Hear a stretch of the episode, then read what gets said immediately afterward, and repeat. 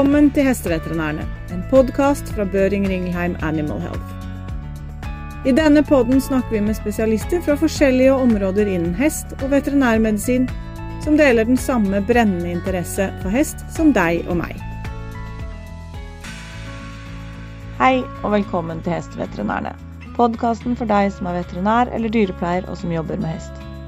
Jeg heter Katrine, og i den andre episoden om stress hos hest snakker min kollega Maria Wilhelmsson videre med Gemma Pearson. Gemma er veterinær og spesialist på hestens atferd, og denne gangen snakker de om forskjellene mellom akutt og kronisk stress, om stress i klinikkmiljøet, og hvordan vi som veterinærer og dyrepleiere kan gjøre dette lettere for hestene. I tillegg snakker de om hvordan vi kan gjøre veterinærbesøket mindre stressende.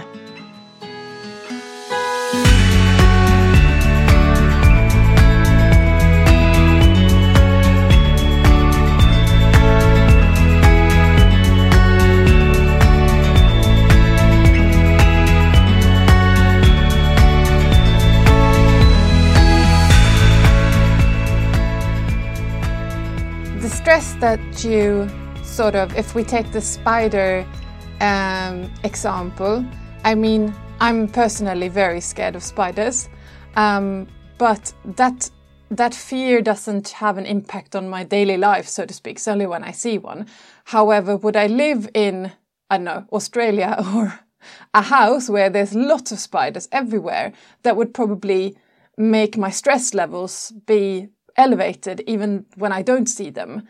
Um, and I think, um, I mean, th- there is, there must be some sort of limit or, or threshold to where stress gets like detrimental for, for the, for the everyday life, or you know what I mean? That when it starts to affect, um, your, yeah, well-being in general, and um, what's the case here? I mean, can we always say that a horse that are lacking one of these Fs, for example, is is uh, is suffering from this uh, in their daily life or th this stress or? Yeah, that's a great question. So I guess what you have to consider is the intensity of the stress response, how frequently it's occurring, and the duration of action for which it occurs. So, as you said with the spider, if you see a small spider that you can move away from and you only see it maybe once a week or once a fortnight and it's for a very short duration of time, that doesn't have an effect on your life. Whereas if you were seeing spiders that were perhaps you knew they were poisonous and you were seeing them, you know, every hour, and they were, you know, around for long periods of time, then that's a much bigger stressor. And of course, there's no exact cut-offs for this. So we have to look at the individual horses. We do know that if we restrict the three Fs, the friends, forage and freedom, then that is always going to drive this stress response in horses and it is going to have a negative impact on them. But they are all individuals so some horses can cope with, say, for example, reduced turnout better than other horses. And I know it's been nice actually, you know, at one stage people would say, oh, they're a dressage horse, so they can't go out in the field. Um, and it's really nice now, certainly in the UK, we have Carl Hester, who has got, an Olympic gold medalist, that they get turned out in the field every single day. And one of his horses, Nip Tuck, he said we try and have this horse living out in the field and just bring him in to ride it. Others would be out during the day and in overnight. So you have to look at the individual horses. Again, just be aware because of this proactive versus reactive coping that actually some horses look like they're coping, but they're not coping quite as well as we think they maybe are. And we also know from a lot of the farm animal literature. So at one stage, people would say, well, the dairy cow must be doing okay. She can't have a very stressful life if she's producing so much milk. And actually, we know that that's not the case. Animals can still perform and they can still perform to the highest levels, even if they have really stressful lives. So, I think if they have no access to friends, that's always going to be a major problem.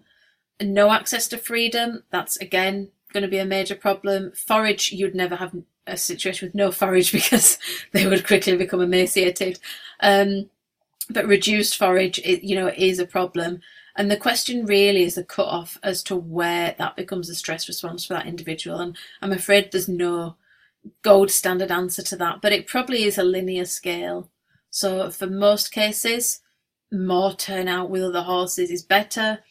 At the same time, you know, we do live in the real world. There are restrictions from a financial and a practical perspective. And, you know, yourselves, you're, you're the same as we are in the UK and certainly in Scotland in the middle of winter. Sometimes the weather can have a big impact on what we can and can't do with horses. So having a horse that lives out 24 7 in a field that's knee deep in mud is also stressful because there's nowhere for them to lay down. So that's a scenario hmm. where you would say, well, the horses have turned out for a reduced number of hours.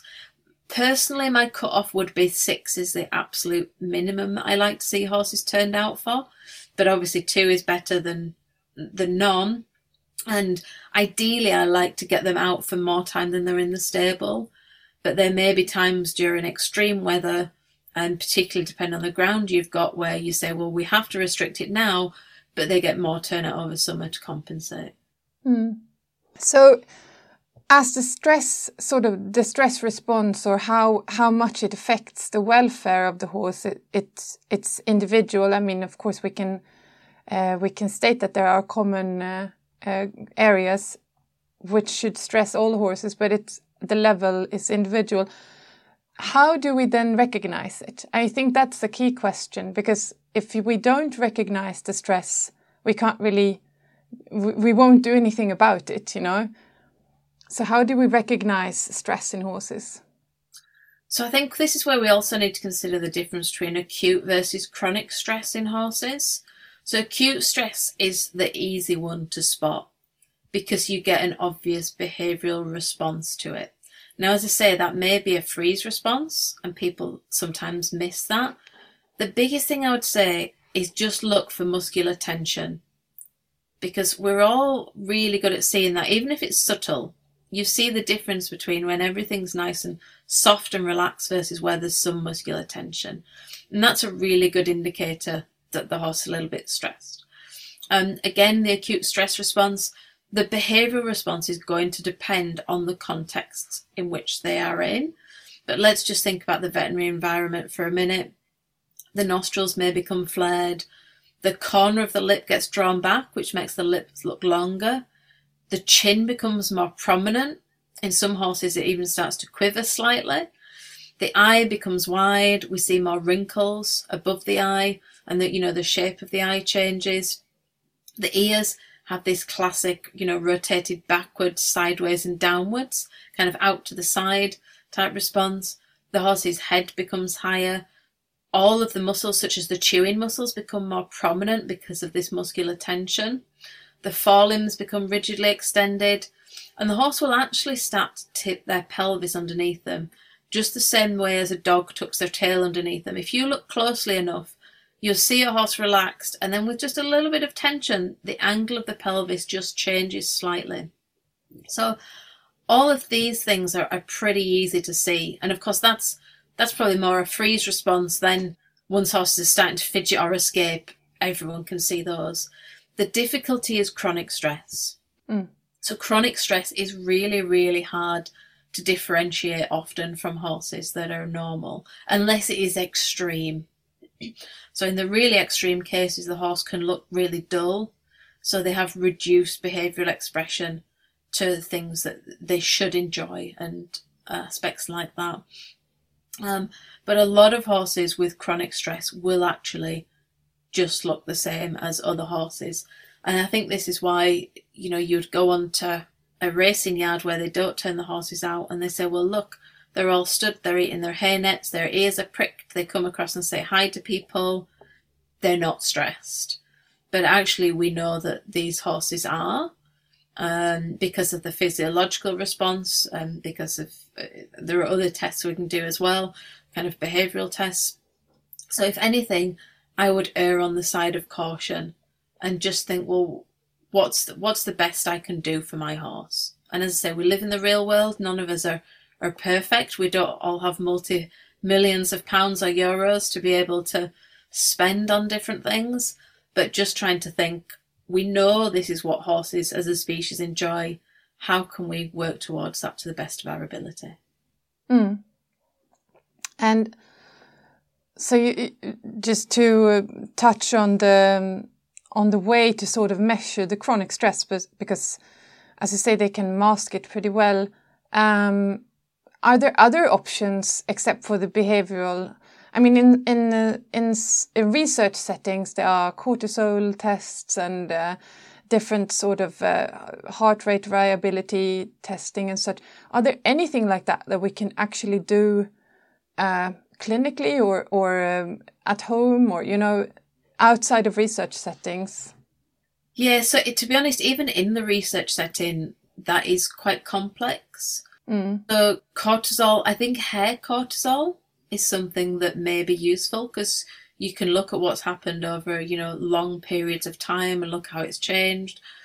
Um, we do understand that you know cortisol is not a linear response to stress, and with chronic stress you actually get blunting of cortisol, so you can actually have lower cortisol levels in a mm. horse with chronic stress than in a normal horse.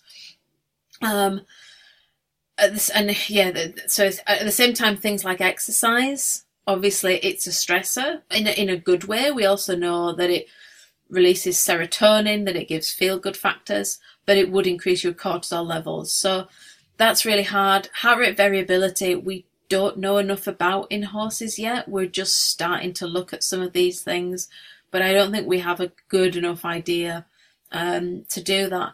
I think things such as QBA, qualitative behaviour assessment, is probably going to be a great tool. And this is something, it is a behavioural test, well, it's not a test, it's a behavioural observation.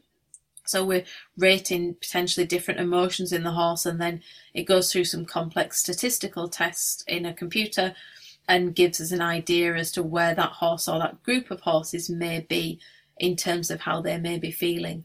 And that's been used a lot by the Donkey Sanctuary.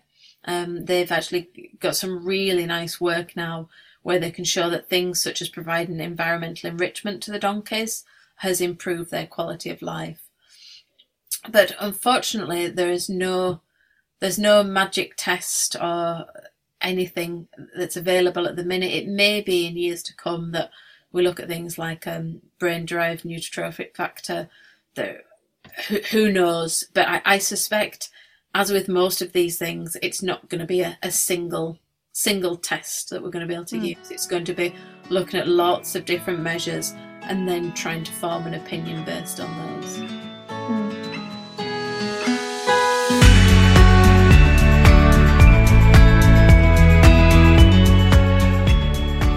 In the if we move then from the from the yard or the stable uh, situation and move into the clinic again, I mean we've been there a couple of times already, but what can we as veterinary professionals do uh, to manage the stress in our equine patients? You can you mentioned with the weigh situation, the weighbridge situation. Um, and I'm I'm guessing there it's a lot about sort of identifying situations um, but what are your top tips to what we can do to, to yeah to help them manage stress and to make clinical situations less stressful? Yeah, so I think what we need to do is be mindful of everything that we're doing with the horse. Horses aren't just learning when we go to give them an IV injection. They're learning and processing all the times they're interacting with people and even just being in that environment.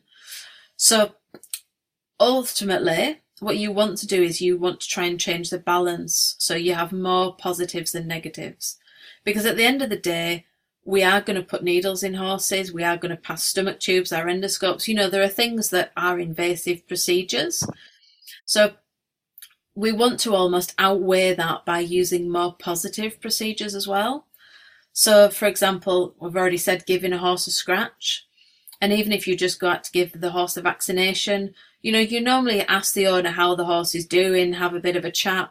Well, rather than doing that outside the stable door, why not use that time to give the horse a really nice scratch, find all of the best scratchy bits for that individual horse. So that horse is thinking, wow, I love this person when they come in. And then you give the injection and then you give them another 30 seconds scratch before you leave. The other thing to do is consider making things as minimally aversive as possible. So again, just be mindful as to how you can make things more comfortable for the horse. And people, I was certainly taught in the, the veterinary world, you know, or make it quick. If it's something painful, do it quickly. Mm. And I actually disagree with that now. I would say if it's something that's potentially painful, try and do it more gently for the horse. So even things like passing a stomach tube, I'll often just put my thumb um, inside the horse's nostril, just let them relax with that there for a second, put some lube on the end of the stomach tube, just pop it there. And to start with, I'll just inch it up millimetre by millimetre and go really slow, really gentle. If I've got a needle shy horse, so most horses, I, um, you know, just give them a scratch but then inject them as normal. But I, of course, deal with a lot of horses that are very needle shy. And if I know this horse has already had negative experiences previously, I may use some local anaesthetic cream. It's not magic, it doesn't stop horses being needle shy, but it dampens down the sensitivity of the sensation of the needle going through the skin, so it helps. Um, I'll use a smaller needle. So a blue, you know, even a, a 25 gauge needle, you can get an IV blood sample or give sedation through that. And using a really gentle quiet, slow technique with your needle placement. And just thinking about everything you do with the horse, how can I make it as comfortable as possible for, for the horse to receive this? And then what other positive things can I do? One of the other things that came out again in my PhD was one of the most stimulating things for horses is the sound of another horse walking past. So again, we tend to be very busy. You know, we go into yards as and when we can. Things are going on, and for most horses, that's absolutely fine. But if you have a horse that you know is fearful of the vets or has had previous bad experiences, then perhaps saying, well, we'll do that horse at the end of the day when all the horses come in from the field and it's relaxed, rather than saying, we'll do it at 11 o'clock when the other horses get turned out at 10 a.m and this horse is the only one left in and mm. um, or you know doing it at a time when there's lots of other horses walking past is just setting yourself up for problems so even if we've got horses coming into the hospital if they're young or nervous we'll stable them in a quiet part of the hospital and we'll have an older quiet horse opposite them mm. yeah lots that you can do obviously um, and as you say, just to sort of think about what we're currently doing and try to recognize the situations that can be potentially stressful. I'm guessing you'll come a long way.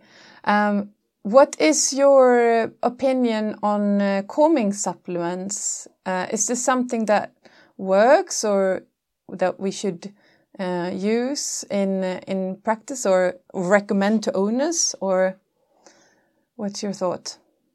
Um, I'm fairly skeptical about them. I think some calming supplements seem to have some effect in some horses, and if they do, that is fine. I'm more than happy for owners to use them.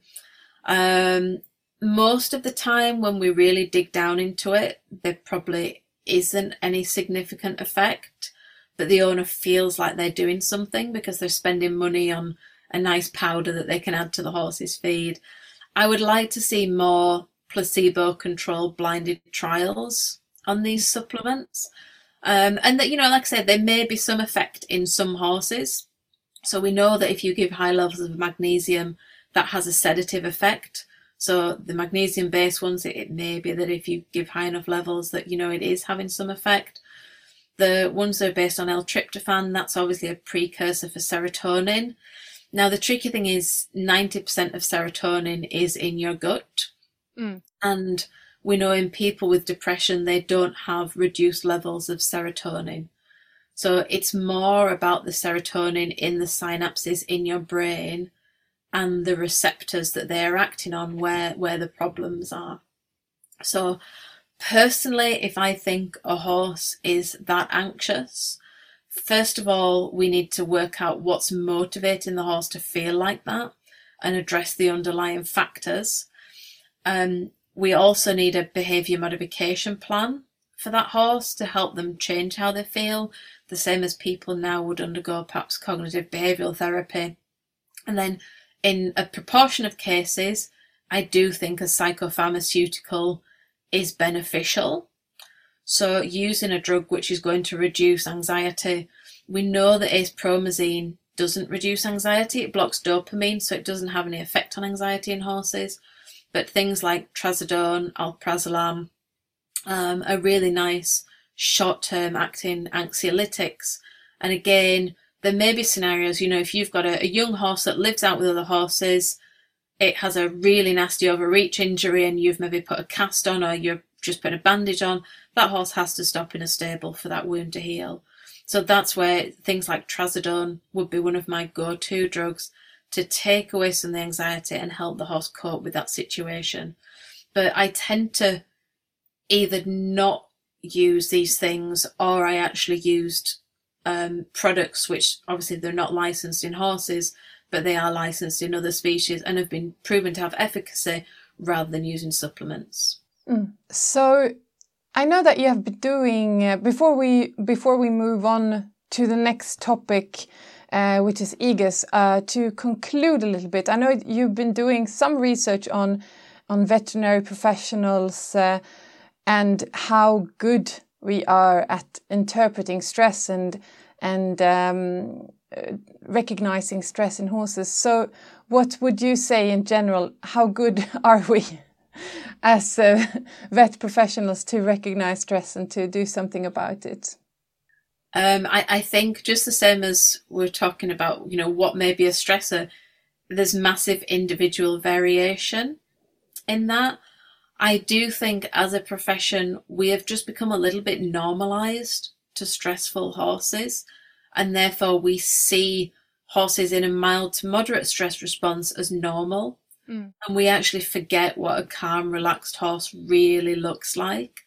And that is achievable, you know, through using learning theory and behavior modification to get horses which are calmer and are much more relaxed. So there's definitely massive room for improvement there. But I guess this kind of comes back to the fact that if you detect that a horse is slightly stressed, then you also need to have something some tools to deal with that. And that's where, you know, the work we've done using learning theory and retraining horses to accept needles or to accept veterinary care generally is really, really useful. Tusen takk for at du lytter til Hesteveterinærene. Hvis du liker det du hører, glem ikke å trykke følger eller lignende i podkastappen din, slik at du ikke går glipp av en eneste episode. Fortell også gjerne om hva du syns ved å gi en tilbakemelding. Vi tar også gjerne imot tips om kommende gjester og emner. Kontaktinformasjonen vår finner du i beskrivelsen av podden. Vi høres snart!